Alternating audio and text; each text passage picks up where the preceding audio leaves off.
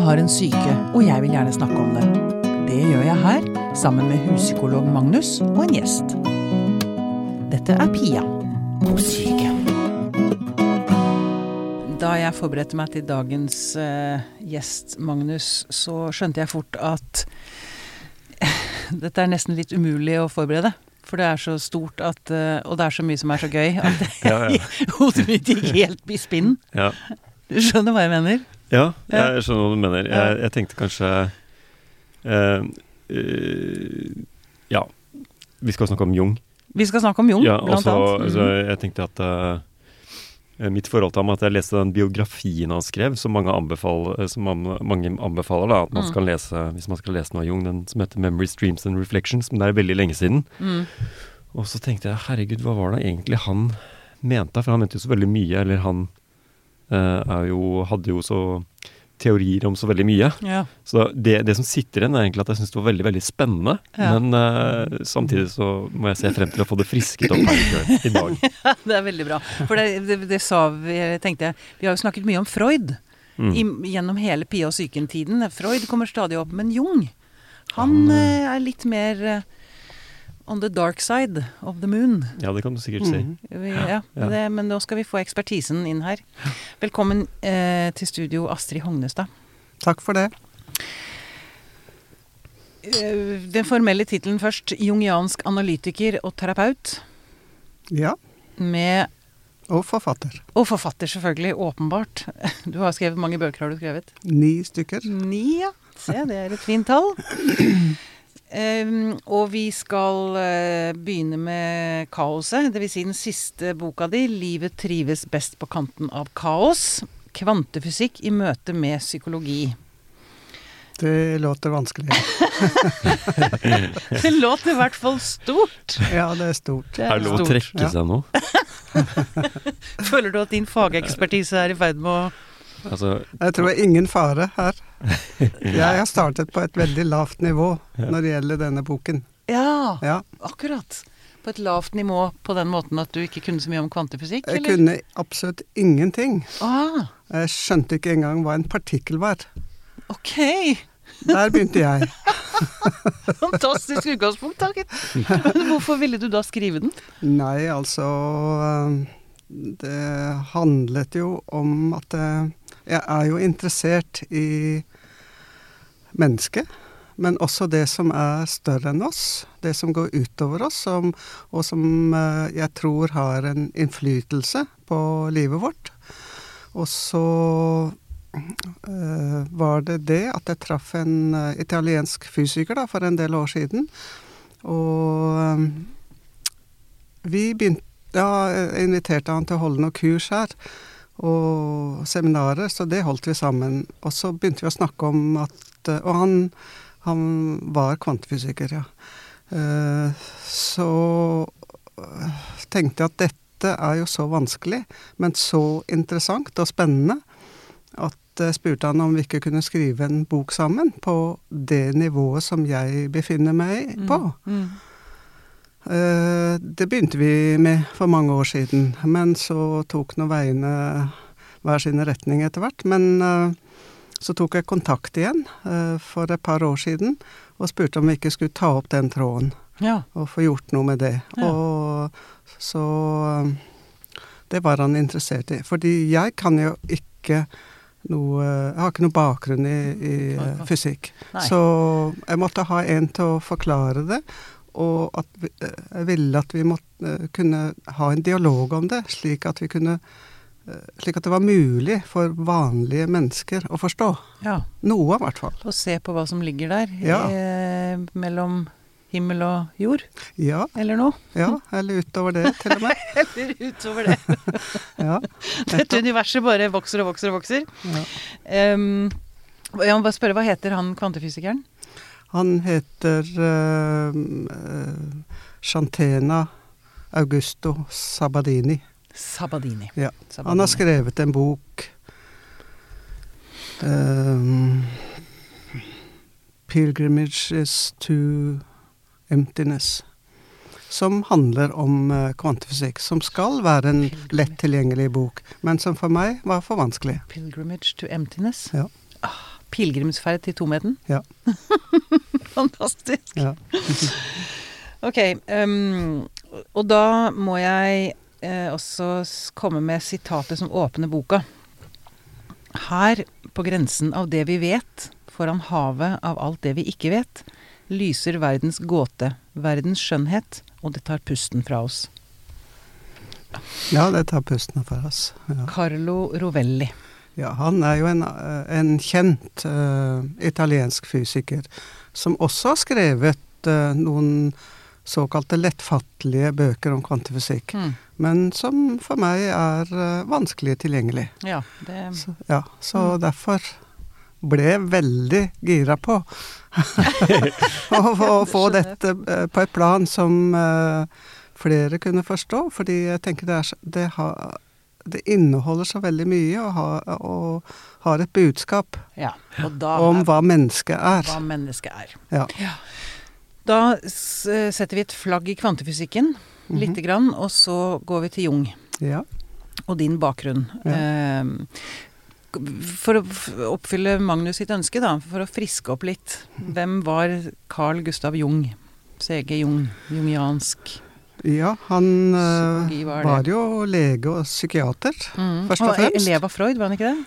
Han var ikke elev av Freud, det er det Nei. man tror. Ah, Men de var eh, gode venner. Men han var jo noen år yngre, slik at de hadde jo Så Jung profeterte jo mye fra samtalene med, med Freud, mm, og kanskje vice versa. mm. Uh, og, men familiene omgikkes uh, jevnlig. Ja, akkurat. Reiste fra, fra Sveits til Østerrike, hvor Freud var da. Men, Jung var sveitser. ja. Ja. Og, for akkurat. Mm, Ja.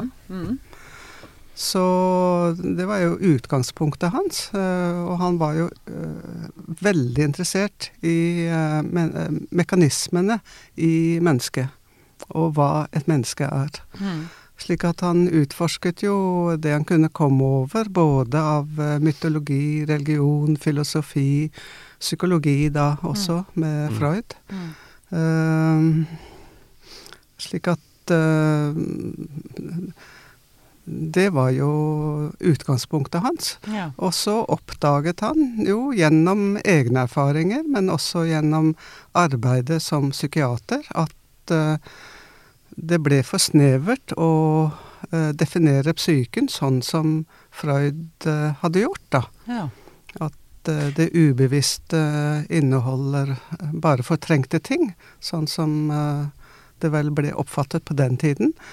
Eh, For Jung mente at eh, det ubevisste viste gjennom drømmer og fantasier eh, at her ligger det også mye ressurser. Slik at det var et annet syn på mennesket som etter hvert utkrystalliserte seg, og som ble så viktig. Ja, for Freud sa du Nå bare prøv, nå lærer jeg litt om, om historie og psykologi og sånn, men eh, Freud var mest opptatt av det underbevisste, at han mente at alt lå der, liksom. At løsningen til Ja, at det var så mye som fortrengt der, og at Ja. eh, det vet antagelig Magnus, du, eh, Magnus mm, mer mm. bedre enn det jeg gjør. mm. Men det var altså at det ubevisst ikke bare inneholdt fortrengt materiale. Selvfølgelig gjør det det, Mm, og det uh, anerkjente jo uh, Jung også. mm, Men at det samtidig inneholder eh, helbredelsesmuligheter, eh, eh, veiledere, eller veileder gjennom drømmer, Mm. fantasier, indre bilder, intuisjon. Det Eh, høres ut som Jung da på en eller annen måte så til Altså han var mer åndelig Altså at han tenkte at det var noe mer større enn bare hjernene våre, liksom. ja, Øh, altså Derfor har han jo også blitt kalt eh, Eller han har fått karakteristikken mystisk. Jung, ja. Ja. Jung. Mm. Ja, Mens Freud var, var, var karakteristikken på Freud. ja Pragmatisk. realistisk, kanskje? Hva sa du? Ja, i denne sammenhengen så ble han jo Ja, for i denne, selv om eh, det er jo litt annerledes å tenke på, se på i, da, i samtiden nå, da. Ja da. Freud, eh, Freud også kanskje blir eh, eh, sett på eh, for å være mer uvitenskapelig. Vitenskapelig, ja. Mm. u, uvitenska- Uvitenskapelig. I, i, altså, du kan, si, du kan si at da, i den, i den historiske sammenhengen, så var jo Freud mye mer eh, opptatt av å legge psykoanalysen sin, da.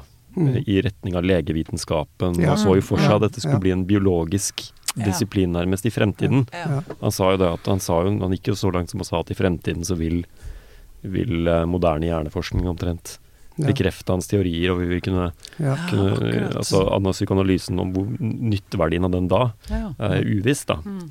Så han var jo veldig mye mer orientert i den retningen enn Ja. hva jeg har forstått at Jung Ja. endte opp med å være. ja, men det tror jeg du absolutt har rett i. Mm. Um, Ja, Men det interessante er. Mm. er jo at eh, Freud var uh, nevrolog, og Jung var psykiater. Ja. Ja, Ja, det er også interessant Ja, Ja. i denne sammenhengen. Drev ikke han med sånne reaksjonstidseksperimenter? Jo, Det var jo et eksperiment for å vise at, uh, hva som ligger i det ubevisste. Mm. At det ubevisste inneholder uh, fortrengte ting, da. Mm. Jung eller Freud? Assos Nå- eh, Jung. Jung. Ja, det såkalte assosiasjonseksperimentet. Ja. Ja, som ble brukt veldig mye for å Hvis folk ikke var i, i berøring med problematikken sin, så kunne man bruke dette eksperimentet uh, for å avdekke hvor liksom uh, de ømme punktene var, da. Ja, akkurat. Så det var en, en veldig viktig del av Jungs bidrag til uh, psykoanalysen, vil Mm. jeg si. Mm. Og er det, er det det er også utgangspunktet, for, vil jeg si, for psykoterapeutisk arbeid. Ja. Ja. Men det kan jeg jo si Men- mer om etterpå. Ja da, vi, Jeg har bare lyst til å Vil du si at Jung liksom har havnet i skyggen av Freud? At Freud har, er, har fått Mm. mye mer pondus, mer makt, eller hva man skal si, Mhm. innenfor psykologi, psykiatri, i verden? Ja, det er vel ingen er tvil om Ingen tvil det. om det. Nei, det, Nei. det, Gjennom Men, det var et ledende spørsmål jeg stilte.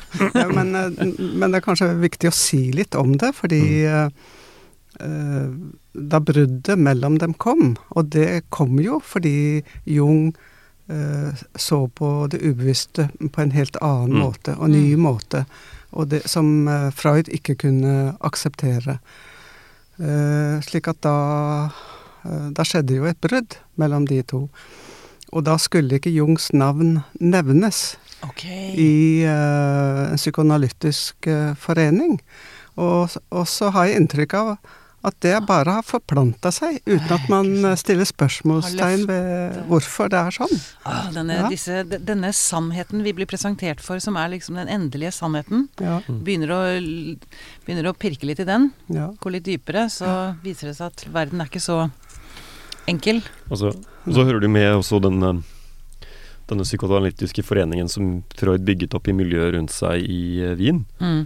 På den tiden raskt fikk ganske mange mektige tilhengere.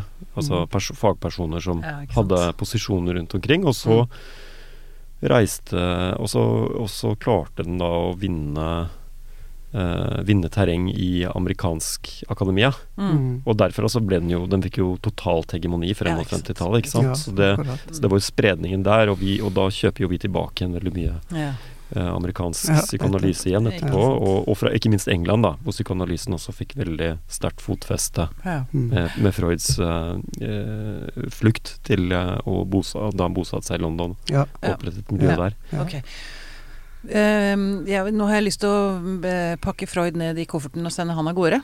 Han For denne gang. Plutselig holder han på å ta over her også. Ja, Ja, men han er jo en viktig, han er jo en viktig skikkelse. Men det- Det er viktig å se han, tenker jeg, for å Ja. se verden i dag. Ja. Eh, på en eller annen måte. Hvordan verden, psykologien, psykiatrien er bygget opp. Hva vi Ja. tror på av Ja. nevrologi, medisinering, kanskje. Ikke sant? Ja. Ok. Ja. Ja. Sant? Men da kan vi sette han til side. Ok. Og så går vi dypere inn i Jung. Ja. Jungs verden. Jungs univers. Ja. Hvordan Altså, vi er, altså det er mye drømmer, mye symbolikk. Eh, mye altså, mystisk, altså mer enn mystiker. Ja, men jeg har jo lyst til å fremheve den veldig praktiske tilnærmingen til menneskelige problemer Mm. som Jung har, nettopp gjennom assosiasjonseksperimentet. Fordi eh, nettopp disse her ømme punktene som Jung eh, beskrev som komplekser, eh, at det inneholder veldig mye følelser, disse ømme punktene. Mm. Og eh, ut ifra disse ømme punktene så springer også eh, mesteparten av drømmene. Ja. Som da Altså drømmene vi har om natten, Ja. snakker du Ja, om, ikke sant? Ja, ikke- nettopp. Mm. Slik at det er en veldig praktisk eh, innfallsvinkel til arbeidet med mennesker. Ja. Som jeg bruker veldig, eller som vi jungianere bruker, tenker eh, psykoterapi ut ifra. ja. Og det med det åndelige og sånn, det kommer litt sånn etter hvert. Ja. Eh, hvis mennesker som kommer i terapi eh, er opptatt av det, Ja, så sant. går vi inn på det. ja. Men det er jo ikke noe vi liksom eh, tar utgangspunkt i. Men vi tar, utgangspunkt i det praktiske arbeidet. ja. Hvordan er, ser, føles disse problemene? Og, ja, og drømmene forteller jo også da eh, gjerne noe om eh, eh, forbindelsen til tidligere erfaringer, og, Mm. og så begynner man å avdekke. Avdekke. Ja. Og så vet jeg også, eller jeg er ganske sikker på at Jung også var vel den som han, det, det leste jeg om for mange år siden. Arketypene, altså de greske gudene som han brukte som sånne figurer. Altså at eh, Hvordan var det? Grekerne tok på seg rollen til de forskjellige gudene når de trengte å utagere. Hvis Ja. en, det var en kvinne som var bedratt av sin mann, Mhm. så tok hun på seg Jeg husker jeg ikke Hera. Mhm. Eller du er kanskje ikke Jeg kjenner ikke akkurat den ikke det. Da er det ikke, ikke viktig. Ikke viktig. Men det var vel også Jung som drev med de arketypene. Ja, arketypene eh, er selvfølgelig et veldig viktig begrep Mm. hos Jung. Mm. Eh, og det er vel der også eh, forbindelsen til det åndelige ligger. Mm. Men at mennesket er også preget ved fødselen av noe som er utenfor Ja. det genetiske. ja. Eh, Som for eksempel Altså hva ja, at det er noen temaer som eh, kommer igjen uh, i livet, for eksempel. Mm, mm. Uh, Men han snakker om en sjel, da, egentlig. Altså noe som Ja, han jo Han prøver jo også å være vitenskapelig, da. Og snakke om Ja. psyken og det ubevisste. mm.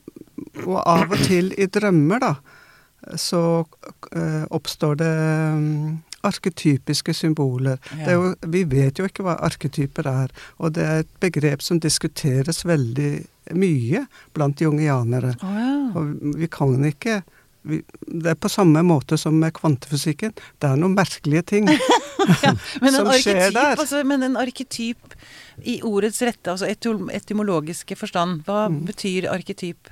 Urpreg.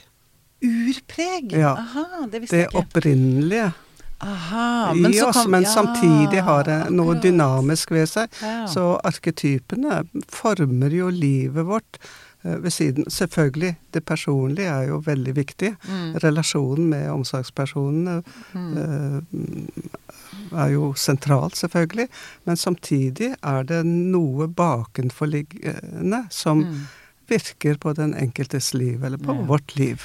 Og da er det jo Som det, alt, på som alt liv. Alt, som alt liv. Ja. Altså, hvis man tar de greske gudene, så er jo det en blåkopi av de romerske gudene, som igjen er en blåkopi av de eh, norrøne guden. Altså det er Mm. Ja, de samme og, og at det er bilder. Mm, bilder, Disse gudene er bilder, symboler, Mm. på noe bakenforliggende. Ja, og dette kan kanskje oversettes til kristendommen og jødedommen og Ja da, hinduismen finner- og buddhismen og Altså, ja, nettopp. Sånne bilder som går igjen, eller symboler som går igjen overalt, det kaller vi arketypiske Ja, Så bra. bilder. Ja. Da fikk vi Da fikk jeg, lærte jeg noe om det også. Ok, da skal vi begynne å, begynne å se om vi kan samle trådene. Altså kvantefysikk, um, arketyper, drømmer, psykoanalyse. Um, livet trives best på kanten av kaos. La oss begynne der. Eller fortsette der. Hvorfor gjør det det, tenker du? ja, det er jo Jeg har jo kalt denne boken det, da. 'Livet trives best på kanten av kaos'. Jeg er helt enig. Kan jeg bare være, si, jeg som nå er da bipolar og i min høye fase, eller Mm. lyse fase, Mm. hvor det er mye mer kaos, men det er også veldig mye mer liv. Ja. Mm. Altså med dette uttrykket eller denne tittelen, så tenker jeg at eh, det, er ikke nødvendig det er ikke nødvendigvis slik at eh, vi trives best på kanten av kaos. Nei, Men livet trives best. At det er noen krefter bak der som prøver å presse på. Mhm. Ja, og som uh, vi stanger imot, eller vi uh, har motstand mot å gjøre endringer i livet. Og da presser det på enda mer. Og så oppstår uh, gjerne problemene og kaoset. For kaoset kommer vel i- Ja, sorry. Unnskyld. Ja, eh, det betyr tomhet. Kaos? Kaos betyr tomhet. Gjør det det? Ja, Gjør det det? ja. ja. Nei! Livet oppsto på kanten av kaos nettopp, i tomhet. Hvis du tenker på nordisk eh, mytologi, det er ginnungagap. Mm. Ja. Og i Bibelen, Guds ånd svevde over vannene. Liksom, det er mye tomheten. kaos, så opp, ja, det, opprinnelig er det det. Det er eh, klart vi opplever det annerledes enn bare tomhet. Det kan være det. Kaoset vårt kan være tomhet. Men jeg trodde kaos var Kaos er jo det man forbinder med at det er bare helt sinnssykt. Eh, Ja. Masse på en gang. Det er jo sånn vi opplever det, ikke Ja. sant? Ja, Men jeg tenker det kan være viktig å se på den etymologiske betydningen også. Eh, men, eh, men det er jo riktig, det. Det er jo sånn vi opplever det alle sammen. Når vi er i kriser i livet, så er det masse følelser som bare presser på. Mm. Og masse bilder og fantasier og uh, ja, impulser og Mm. eh, Vi mister kontrollen, ikke sant? Det er jo kaoset Det vårt. er, vi er redd for det, i hvert fall. Ja, det, vi er redd for det. Nettopp. Mm, Det er mm. viktig å presisere det. Mm. Men at uh, hvis vi eh, klarer å sortere ut dette her, og se hvor det kommer fra, både fra det personlige, men også kanskje fra dette dypere sjiktet som vil noe mer med oss. Mm. Eh, livet vil gjerne noe mer med oss Enn Eh, det vi tror, enn det vi, enn det vi, vi vil planlegge og sånn. Vi vil så gjerne planlegge og vite hva som skal skje. Vi vil ha det inn i strukturer og Ja, ja, skjemaer og Nettopp. klare svar og Ja, ja. Ikke vite minst hvor vi går. psykiatrien vil vel det. Ja. Og da skal vi spille en eh, liten ball over til eh, huspsykolog Magnus. Mm. Eh, og nå har jeg vel kanskje ikke noe klart formulert spørsmål, men eh, s, altså s, eh, sinn Eller mm, bipolaritet er mani, for eksempel. Jeg har jo fortalt deg og andre også at i denne fasen så kan jeg oppleve at jeg er litt sånn filterløs. At jeg tar inn veldig mye signaler fra Altså, ja, det er som om jeg er mer levende. Mm. Ikke sant? Som jo er en helt nydelig tilstand, Mm. sammenlignet med hvordan jeg var for et halvt år siden. Jeg lå under et vått ullteppe Mm. og bare hadde lyst til å gjemme meg. Eh, ser du gode ting i bipolariteten, du også? Eller altså, Ja, uten tvil. Jeg må bare si Ja, ja. Magnus, bare for lyttere som kanskje ikke husker det, men Magnus er jo en ekspert på bipolaritet. Altså, du jobber jo med bipolaritet til daglig. Mm. Ja, men jeg tror, jeg tror det eh, Ikke alle med lidelsen opplever det sånn, men veldig mange. Og det er jo noe som også eh, i, I sammenhenger f.eks. med Bipolarforeningen, når uh, uh, pasienter som har bipolar lidelse, eller personer med bipolar lidelse, beskriver eh, hvordan det er å ha denne lidelsen, så er det jeg, jeg tror ikke det er noen annen hva skal man si for noen sånn pasientforening eller brukerforening Mm. hvor det er såpass hyppig forekommende med å beskrive positive sider, også ved, ved lidelsen. Mm. Det tror jeg egentlig er litt sånn Jeg tror det utmerker seg litt der, faktisk. Eh, rett og slett fordi, uh, som du sier og har beskrevet for meg, denne, disse skjerpede sansene som Mm. gjør at det også er mye eh, De gjør også det mye, mye mer eh, lystbetont å være til stede i sansene sine. Musikken blir bedre. Eh, inn, kunst og farger og inntrykk eh, er mer, gir mer Mm. inntrykk. Mm. Og, eh, og også det at eh, Også det at eh, noen kan oppleve en enorm belønning eh, i å føle at svarene på spørsmål man har i hodet sitt, kommer veldig fort. Ja. At det er en sånn veldig nytelse ved å merke at også assosiasjonene klaffer. Ja. At man tenker Man får veldig sånn belønnende tankerekker. ja. Der man til vanlig kan føle liksom mye sånn stagnasjon og, Mm. og, og sånn, så får man en sånn kreativt tilfang av impulser. Og Um, Ja.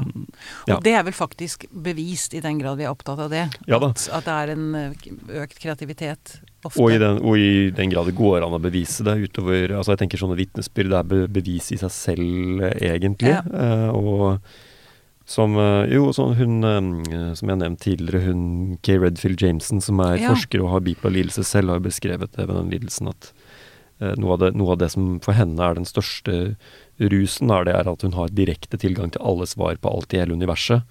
Og at stjernene danner et teppe under føttene hennes. Har hun beskrevet det å være i. Eh, og, Det er en mystisk opplevelse. eh, Det, innenfor religionspsykologi vil man kanskje kalle Ikke sant. det. Ja, det kan du sikkert Ja. trekke en parallell til det. Ja. For det, hun beskriver det jo som en sånn eh, For henne så er det helt klart da eh, en eh, hun, hun opplever jo psykotiske manier som hun da Ja. lander fra, men hun har, henter jo ut fra det også en enorm kreativ kraft, Mm. og, og Mm. hun legger ikke skjul på at hun også opplever gode sider ved det.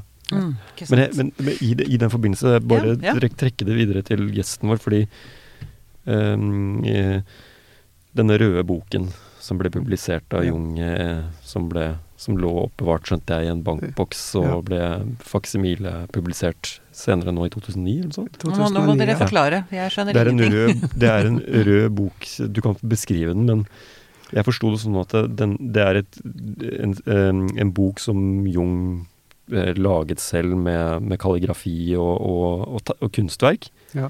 Eh, skjedde, og det lurer jeg på om ikke det skjedde etter at han selv fikk et psykotisk gjennombrudd? Har han også hatt psykose?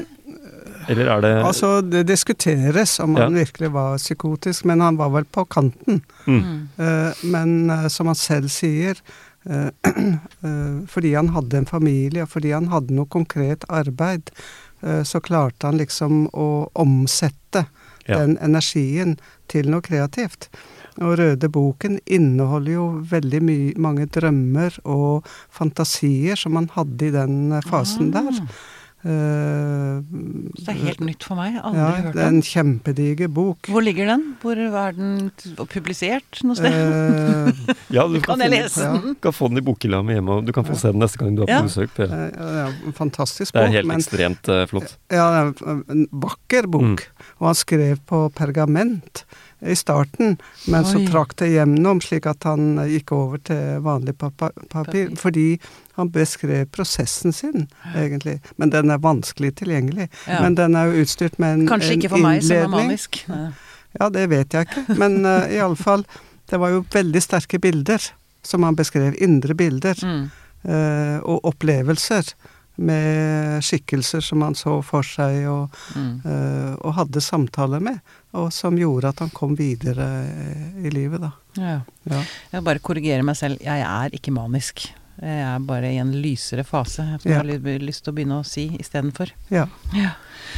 Um, hva tenker du om, om bipolaritet, Astrid? I den grad du Altså, vi snakket jo på telefonen da jeg inviterte deg hit, og så fortalte jeg noe om eh, traumene jeg bærer med meg, og at jeg mener at det ligger i bunnen Mm. av det man kaller bipolaritet, da. Mm. Så diagnosen. ja. For meg så handler det om at det var bare veldig, veldig masse sterke følelser som ble trykket sammen, pakket ned ja. og gjemt Det tenker jeg er en veldig god beskrivelse. Ja, takk. Ja, det tror jeg virkelig. Og det, eh, det tror jeg gjelder eh, mange psykiske lidelser. At det handler om ting som er blitt press, pakket sammen veldig hardt. Mm. Og så blir det et voldsomt trykk. Mm. Og så forsøker folk å utvikle seg, men så stanger det mot eh, dette trykket, eller dette som ligger der, og mønstrene som er eh, dannet i kjølvannet Mm. av det trykket, med tilpasning og Mm, ikke forsøke å være flink og, og sånn, eh, inntil det eksploderer, da. På en eller annen måte. Som det jo kan gjøre, for Ja, noen og enhver. Ja, ja. Så jeg tenker det, det er veldig viktig å se den siden. Mm. At det ligger veldig mye fortrengt kvaliteter, Mm. følelser, Mm. eh, sider ved mennesket i en bipolar lidelse. Det er jeg helt overbevist om. For jeg vet jo at de mest ekstreme sier jo at, det er en, at jeg har en hjerneskade. Ja, nettopp. Ja. Men det er klart det påvirker hjernen. Er- Alt påvirker hjernen. er ikke er vi glade, så påvirker det hjernen. Så det er jo ikke noe nytt, egentlig. Nei, men det, er, det jeg ikke liker, da, det er at folk sier egentlig At det er skade. Nei, en skade er nå én ting, men at det er irreversibelt. At jeg, at jeg, jeg blir dømt. Mm. På en eller annen måte til, til inn, inn i en boks som jeg ikke trives i. Ja, og det er skadelig. Det er ikke sunt for Nei, det er ikke menneske. sunt, og det, er, det hindrer jo uh, at du får liksom klarer å leve med det som er, og Mm. finne en vei med det. Mm. For uh, har man en bipolar lise- eh, lidelse, eller hver, Schizofrenlidelse eller enhver psykisk lidelse, Mm. depresjon eller angst eller noe sånt, så, så trenger man å bli akseptert for det som foregår. mm. Slik at man får støtte til å utvikle. Ja, og det ønsker jeg meg fra psykiatrien og øh, ja, eh, nysgjerrighet. Hva er det, Ja. hva er det som Nettopp. Som hun sa, nå husker jeg ikke hva hun heter, det ligger en fantastisk eh, sånn TED-talk med en eh, psykolog som schizofre- schizofreni i studietiden. Mm. Um, The Voices In My Head heter den Mhm, eh, ja. TED-talken. Mm. Hun eh, ble medisinert si sønder og sammen, og så fant hun en terapeut som hjalp henne med å se at disse stemmene faktisk var stemmer fra barndommen. Ja. Som snakket Nettopp. til henne. Snakket, ja. Ja. Og så møtte hun dem, og så, altså stemmene, og så eh, endte det med at hun ble ferdig utdannet psykolog. Topp i klassen Mm. og virker nå som psykolog i, i England. Og hun sier ikke spør eh, hva som er feil med meg, spør hva har skjedd med meg. Eller ja, Ja. Nettopp. spør ikke, ikke, hva er feil, hva feil, ikke hva er feil med deg, men hva, hva har skjedd med deg? Ja, nettopp. Og det tenker jeg også gjelder uh, fysisk sykdom. Hva Ja. har, altså folk med alvorlige Uh, fysiske problemer i voksen alder. Mm. Altså, vi kan jo bare tenke på Anna Louises har bok. Mm. Eh, krenkede barn blir syke voksne. Ja, på Hva jeg, har skjedd med deg? har skjedd med deg? Ja, det, det, Det gjelder både psykiske og, og, og fysiske lidelser. Ja, vi hadde henne i studio for noen år siden. Eh, og overskriften på den episoden var Eller det absurde skillet mellom kropp og sinn. Kropp og sinn, ja. Kropp og sinn, altså ja, det skillet. Ja, altså, hvordan skjedde det? Det er så, det er så absurd. Ja, det er absurd. Ja. Det har noe med hele filosofien å gjøre. Ikke sant? Ja. Mm. Objektiviseringen av alt. Ja. Ja. Ja. Um, kvantefysikken kvantefysikken inni dette.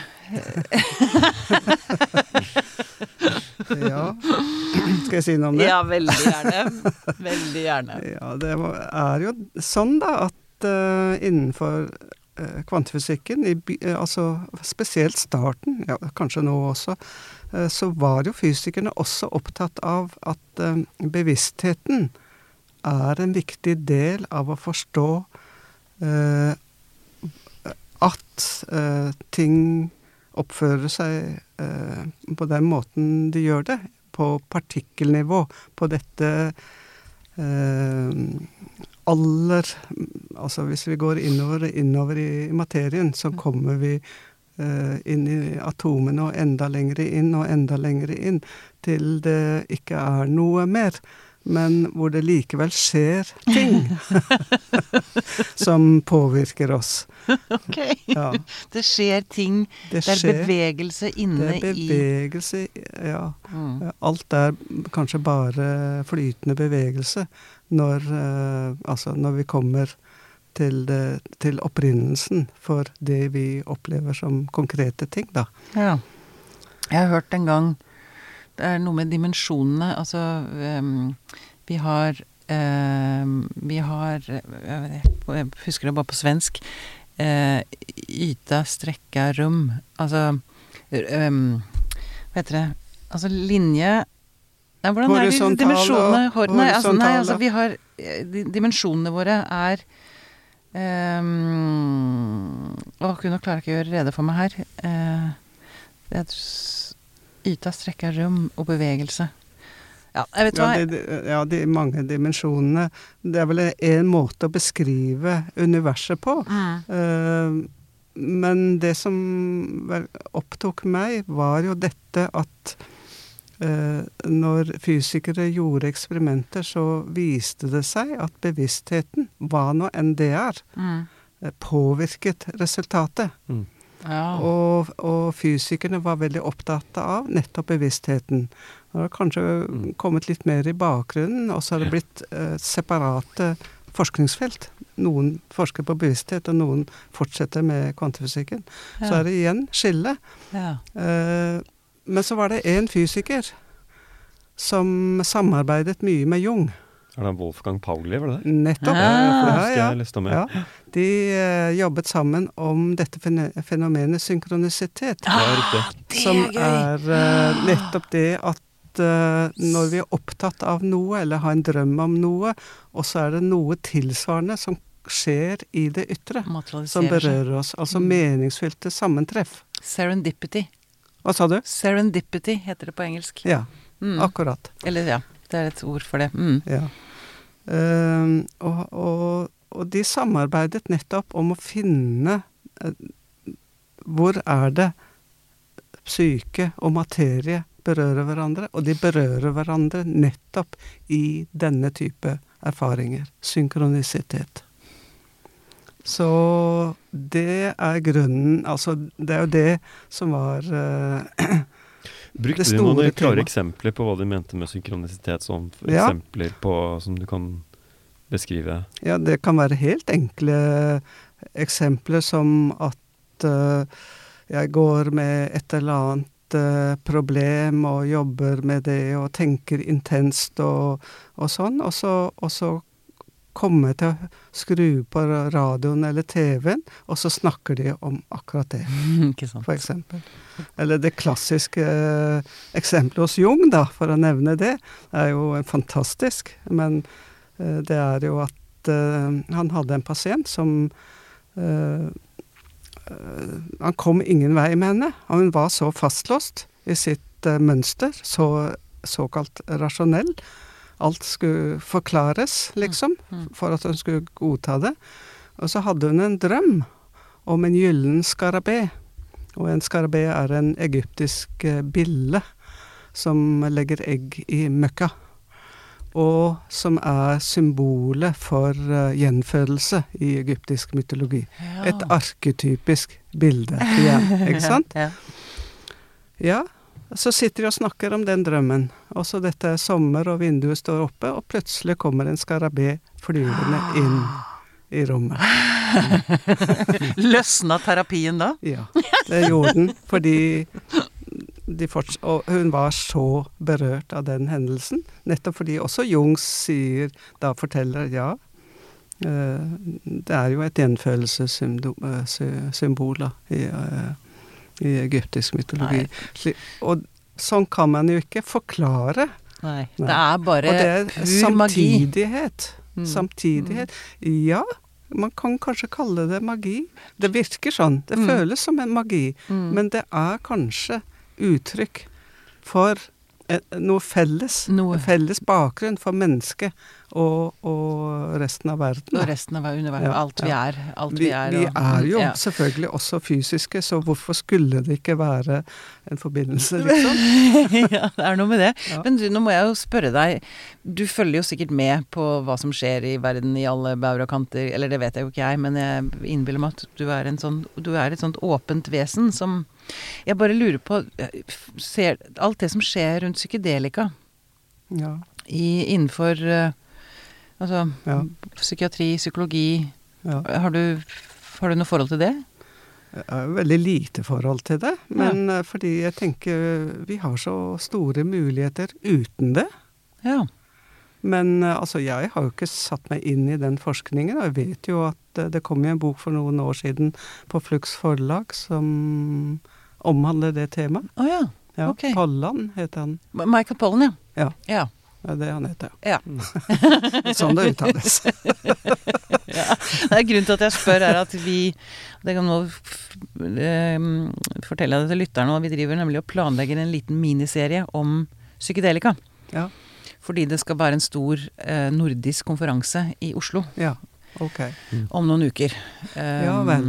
Okay. Om psykedelika. Og det, det er et felt som er så Det skjer så mye oppsiktsvekkende forskning Ja. på kurering, rett og slett, av PTSD og angst og altså, ja, ja. Det var bare derfor jeg lurte på om du Og, og, og det minner meg om Det jeg leser Mm, der, kan minne meg litt om ting du snakker om. Ja. Um, Ja, for det er vel en åpning nettopp til det arketypiske ja, sjiktet i mennesket. ja, Men jeg tenker det trengs liksom gode rammer rundt ja, en sånn, ja, ikke eh, sånn bruk. Ja, ja, ja. Ja. Absolutt. Men det Ja, er det var absolutt en- interessant, men eh, beklager at Nei, jeg nei, ikke det er eh, ikke, kommentere ikke det noe problem. Jeg, jeg kommer snart til å få masse eksperter i studio på det, så det Ja, skal, ok, fint. jeg skal forske videre på det òg. Ok. Um, jeg holdt på å si 'hvor går vi nå'? Um, uh, kan du si noe om drømmetolkning? Altså, du driver med drømmetolkning? I Jeg driver med, jeg kaller det ikke tolkning, jeg Nei. kaller det arbeid med drømmer. Ah, Ja, fordi eh, det er en prosess. Det Ja. å forstå drømmer er en prosess ja. som skjer mellom eh, terapeut og den som har drømmen. Mm, Eller mm, den som, eh, de to som snakker om drømmen. mm. Fordi man kan ikke komme utenfra med tolkninger Nei. og si at det betyr det og det og sånn. Man kan heller ikke lese seg til det. Man kan ikke si at vann betyr følelse, liksom. Nei, det ikke Nei, da vil jeg spørre ja, hva slags erfaring har du med vann, og Ja. hva slags vann var det, og var det klart, og eh, var det rennende, og badet du der, eller er redd vann, og Ja. Det er veldig mange ting man må utforske Ja. i den prosessen. Og hvorfor oppstår det symbolet vann? I hvilken sammenheng kommer det i drømmen, f.eks.? Ja. Ja, er det en uh, tsunami, f.eks., så er det jo noe skremmende, selvfølgelig. Ja. Og da utforsker man ja, hva er det som er, virker så skremmende for tiden? ja. Ja. Akkurat. Eh, Så, så drømmer er et språk som man må lære, og som uh, man må arbeide med over tid. Ja, for det er jo så rart, egentlig. Alle um, Eller altså, drømmer er jo en veldig stor del Vi sover jo ganske mye. Mm. Og mange av oss drømmer ganske mye. Ja. Det er rart at ikke det er mer jeg holdt på å si comme il faut. Altså drømmetolkning altså, Skjønner du hva jeg mener? At Mm. Ja, ja. det vi snakker om nå, er jo Jeg innbiller meg at det er litt sånn uglesett av fagekspertisen, Magnus. At det er litt sånn ja ja. Eller?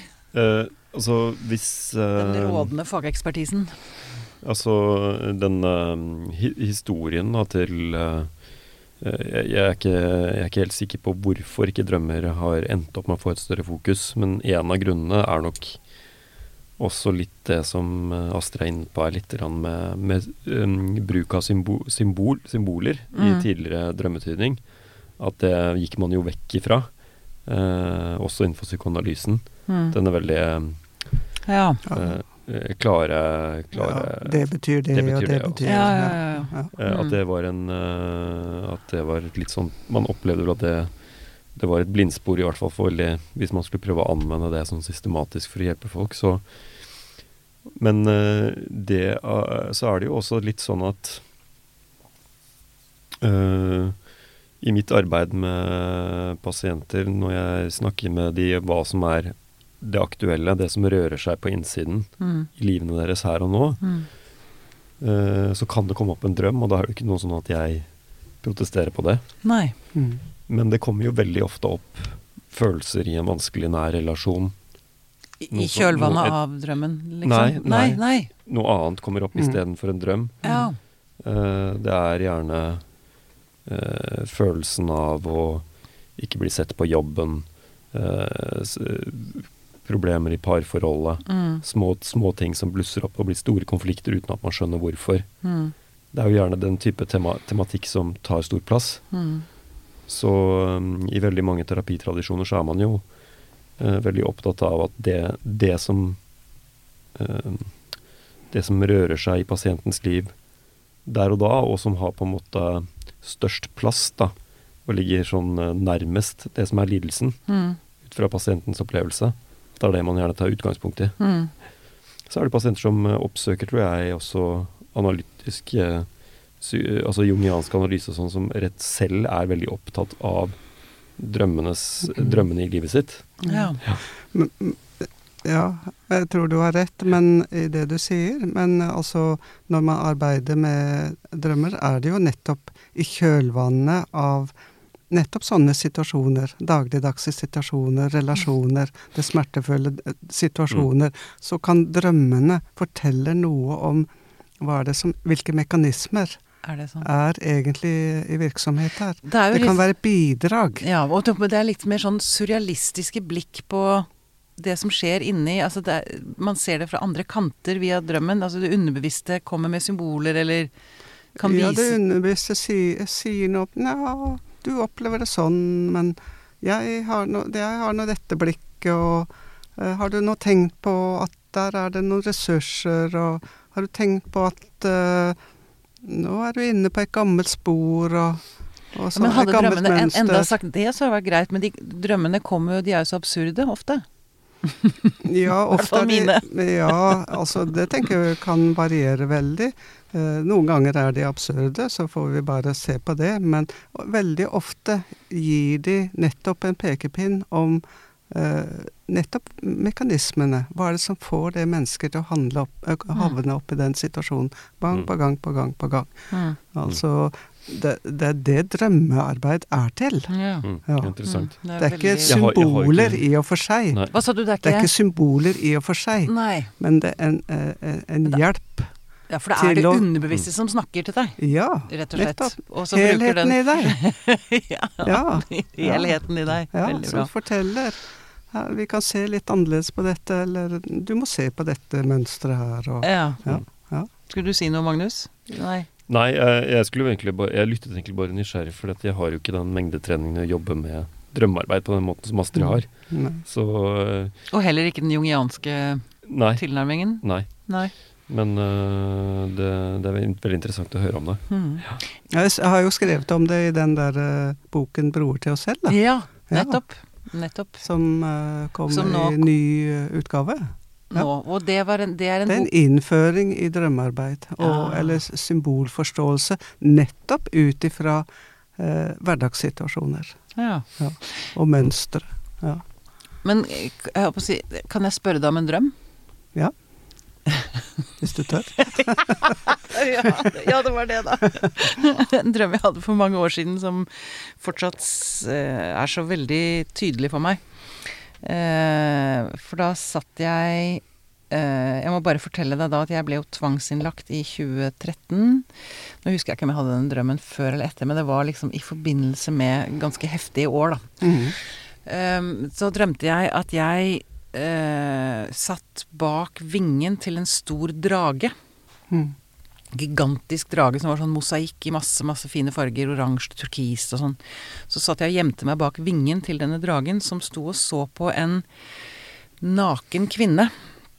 Som sto foran. Eh, og det var hun som spiller i eh, Robin Wright Penn. Ja, det var henne. Det var hun som sto der. Og så eh, ser hun på dragen, og så sier hun ja, hvis det må skje, så får det bare skje. Mm. Hvorpå dragen går frem og biter, tar nebbet og biter henne i nesa, løfter henne og flyr av gårde. Mm. Neste gang jeg ser opp på himmelen, så er det en flyvende elefant. Mm. Du skjønner hva jeg mener med absurde drøm drømmer? Ja. Men altså, det er jo spennende bilder. Da ville jeg jo Jeg kan jo selvfølgelig ikke si hva den betyr, men Nei. jeg vil jo utforske det. Mm, det ja. Og utforske nettopp situasjonen den oppstår i. Ja. Det er veldig viktig for arbeidet Ja. med drømmer. ja. Du kan ikke tolke en drøm uten å vite uh, i hvilken situasjon den er oppstått i. Tenker Det følelsesmessige. Ja, nei, det, det forstår jeg. Følelsen, det er ikke tolk, det er ikke det, det skjønner jeg. Det, blir en, det er en terapisession, det i seg selv. Ja. Men jeg bare tenker på, for meg så er det, apropos arketyper, Mm. det er noe med en, dra, en ildsprutende drage som jeg sitter og gjemmer meg bak vingen til, liksom. Mm. Ja, var du redd Nei, der du satt? nei, ikke bare, nei, nei, jeg var helt trygg bak den vingen. Det var interessant. Ja, nei, han passet på meg. Han jeg var passet trygg. på deg, ja, ja. Han Ja, var, han, der satt jeg og gjemte meg fint bak hans vinge. Ja. Mens han da eh, var opptatt av denne kvinnen som sto naken foran ham. Ja. Det er disse bildene. Sånn flyvende elefant. Ja. Altså en elefant er for meg et veldig sterkt symbol, da. ja. Og drage òg. Mm. På hvilken måte elefantstøkt? Hva betyr elefant for deg? elefant er eh, Det er som delfin på landejorda. Så de er de klokeste, varmeste ja. eh, ok. eh, Ja, det er noe av det klokeste vi har av vesener på jorda. Ah, Mm. Og dra dragen er jo eh, eventyr. Eventyrverden. Ja. Det er uh, ildsprutende drag, drager er Ja, det betyr mye for meg, og det òg. Det betyr også mye på ja, ja. meg. Så hvis vi virkelig skulle utforske den, så måtte vi gå inn i det, ikke Ja, sant? Mm, Ja, mm. veldig spennende. Nå forsvant jeg inn i min egen lille verden her. Ja. Jeg tenker bare på en uh, liten sånn replikk til det um, uh, vi snakker om også, er jo dette med synet også på hva eh, Synet også på hva eh, det terapeutiske prosjektet er, og hva det er som hjelper pasienter Ja. eh, å få, få det bedre. Fordi Mm. man kan jo også Altså, jeg tenker jo ikke nødvendigvis at eh, det man er ute etter for å oppnå en bedre eh, når man gjennom en samtalebehandling Det man er ute etter, er sannheten med stor S i livet. Mm. Mm. Alltid. Mm. Jeg tror mennesket er for kompleks ofte til at den sannheten kan eh, i hvert fall få seg Ja. en liten pakke av ord. Så ofte så er jo Den veldig finner ikke den i DSM-manualen. En dypere mening med livet finner du ikke i DSM, nei. Og, men, det man, eh, men, det, men det som eh, skapes i all god eh, terapi, hvor folk føler seg møtt og forstått, er jo en eller annen form for meningsdannelse. Mm. Og, og det er jo også en skapende prosess Mm. eh, i langt større grad enn hva vi ofte er klar over, tror jeg. Mm. Eh, men eh, at den, det handler om å gi mening til sterke tilstander. Eh, Mm. Og gi mening til sterke følelsestilstander som kanskje knytter seg videre til relasjoner og til verdier i livet. Mm. Og på, en, på et eller annet nivå så berører all terapi det i, mm. på, på sin måte. Ja. Eh, med litt ulik innpakning, og folk har ulike preferanser for Mm. hvordan de synes dette skal gjøres. ja. Så det, det som gir mening for den ene pasienten, gir ikke nødvendigvis alltid mening for den andre. Og sånn Mm. må, tenker jeg, det alltid være sånn at selv om vi gjør på en måte terapistudier på gruppenivå og sånn, så vil vi ende opp med å gjøre individuelle Altså at folk Mm. gjør individuelle, har individuelle preferanser da, for hvordan Mm. de ønsker Mm. å behandles. Mm. Hvis det gir mening. ja. Mm. Hva tenker du om det, Astrid? Jo, det er jeg jo helt enig i. Og jeg tenker, og i det, det å finne mening, det handler jo også da om å, å se det mennesket man har foran seg som terapeut. Mm. Uh, vise respekt for drømmer, selv om de er absurde, f.eks. Mm. Gå inn i det, ta det alvorlig bare. Og Mm. det som skjer. Uh, møte mennesker uten uh, fordømmelse. Uten meninger. Men mer eh, bare å møte og være med og romme også smerter. Mm. Ja, ta del i det livet som er. Mm. Det er jo Jeg er jo helt enig med deg. Kan, jeg, kan jeg spørre deg om uh, noe? Ja. Eh, du, du, du Det er derfor jeg er her. Ja? Eh, eh, nei, uh, som en veldig klok dame som har jobbet så lenge med, innenfor analytisk psykologi, er det, er det noe du på en måte vil oppsummere som, som du har lært ved å jobbe på den måten, som du tenker på en måte er et perspektiv du savner, eh, som du mener at eh, savnes i annen eh, psykologi nå i dag? Ett. Eller flere? Mm. Ja, det er nok mange ting. Det Altså, jeg tenker dette med respekt, og hva er respekt? Ja. Ikke sant? Det kan man jo diskutere. Det er Å eh, møte mennesker, være til stede, mm. delta, romme. Eh, kontinuitet. Det jeg hører Jeg hører jo mange skrekkhistorier om at folk har fem timer ved en eller annen eh, psykiatrisk institusjoner. Og så kommer det en ny behandler. Altså, man trenger kontinuitet i dette arbeidet, nettopp fordi eh, problemene har oppstått i relasjoner. Mm. Og da må det også leges gjennom relasjoner. Mm. Som viser Altså en som kan delta Og og være til stede. tilliten ja. Følelser. Altså romme følelsene, smertene. ja. Og da må man ha tillit. Da må man ha tillit, og Mm. da, det trenger man tid Mm. for å opparbeide. Mm. Ja. Mm. Så, og det, det Det tror jeg er noe av det aller viktigste i psykoterapi. Mm. Ja. Det er veldig bra, fint spørsmål, Magnus. Jeg, ja. Ehm, jeg har lyst til å fortsette litt på det. Hvis du skulle, som Du er jo et par år eldre enn Magnus. Er, er vi sikre? Er du, er du født i 79? Nei, Men hvis du, som en generasjon foran, da, Ja. kan vi si det? Jeg tenker det er eh, Ja. viktigere Ja, sagt. ja. Hvis du med din erfaring, som jo er da åpenbart mye større enn Magnus sin, fordi du har rett og slett levd lenger Ja. Hvis du skulle overlevere noe til ham som du ville ønske at han tok med seg inn i sitt virke som psykolog, som, og også en som vel har litt makt, altså på en god måte i systemet, eh, på en eller annen måte. Hva ville det vært? Altså hva som fra et, Både fra en terapeut til en annen, men også så fra menneske til et annet menneske. Ja, da vil jeg jo først og fremst høre med Magnus. Hvordan er det å være terapeut for deg? Mm. Ja. Hva er viktig for deg, og hva opplever du i relasjon med pasientene dine? Og så måtte det utvikle seg derfra, tenker Mm. jeg. For jeg tenker du sitter, det hører jeg jo, at du sitter med mye kompetanse og mye refleksjon. Og, og kan møte mennesker. Det merker jeg jo. Uh, så uh, jeg har veldig tillit til Magnus. Da er vi to. Ja. Jeg har fått noen nye veiledere. Nå ble jeg så smigret. Ja. Jeg tror ikke det er det dummeste. Det, gjør du det? Det burde du gjøre. Du burde være veileder. Jeg er For, veileder også, ja. for ja. Alle i norsk eh, psykologi og psykiatri, i hvert fall ledelsen i landet. Mm, eller noe. Ja. Jeg er veileder, og jeg har Det er kanskje også viktig. Altså, jeg har hatt veileder hele mitt yrkesliv. Ja. Ja. Ja. Men det er kanskje lurt å finne en veileder som, som representerer en annen retning enn den man er oppdratt i? Bare for å få et perspektiv? Ja, nå, nå tror jeg jo ikke retningene er så veldig uh, atskilte, liksom. Jeg tenker vi deler veldig mye. Eh, måter å se ting på. Eh, så Mm. eh, ja. Ok, vi er dessverre nødt til å avslutte fordi uh, tiden har løpt fra oss. Sånn er det når man uh, opererer i kaos. ja. Eller noe. Astrid Hognestad, tusen takk for at du kom til oss. Tusen takk for at jeg fikk komme. Og så kan jeg anbefale bøkene, da.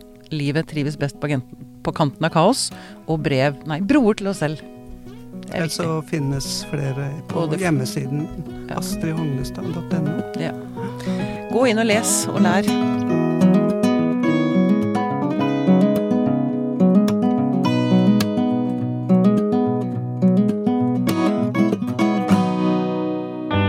Denne podkasten er produsert av Tid og lyst. Med støtte fra stiftelsen Kåre Berg.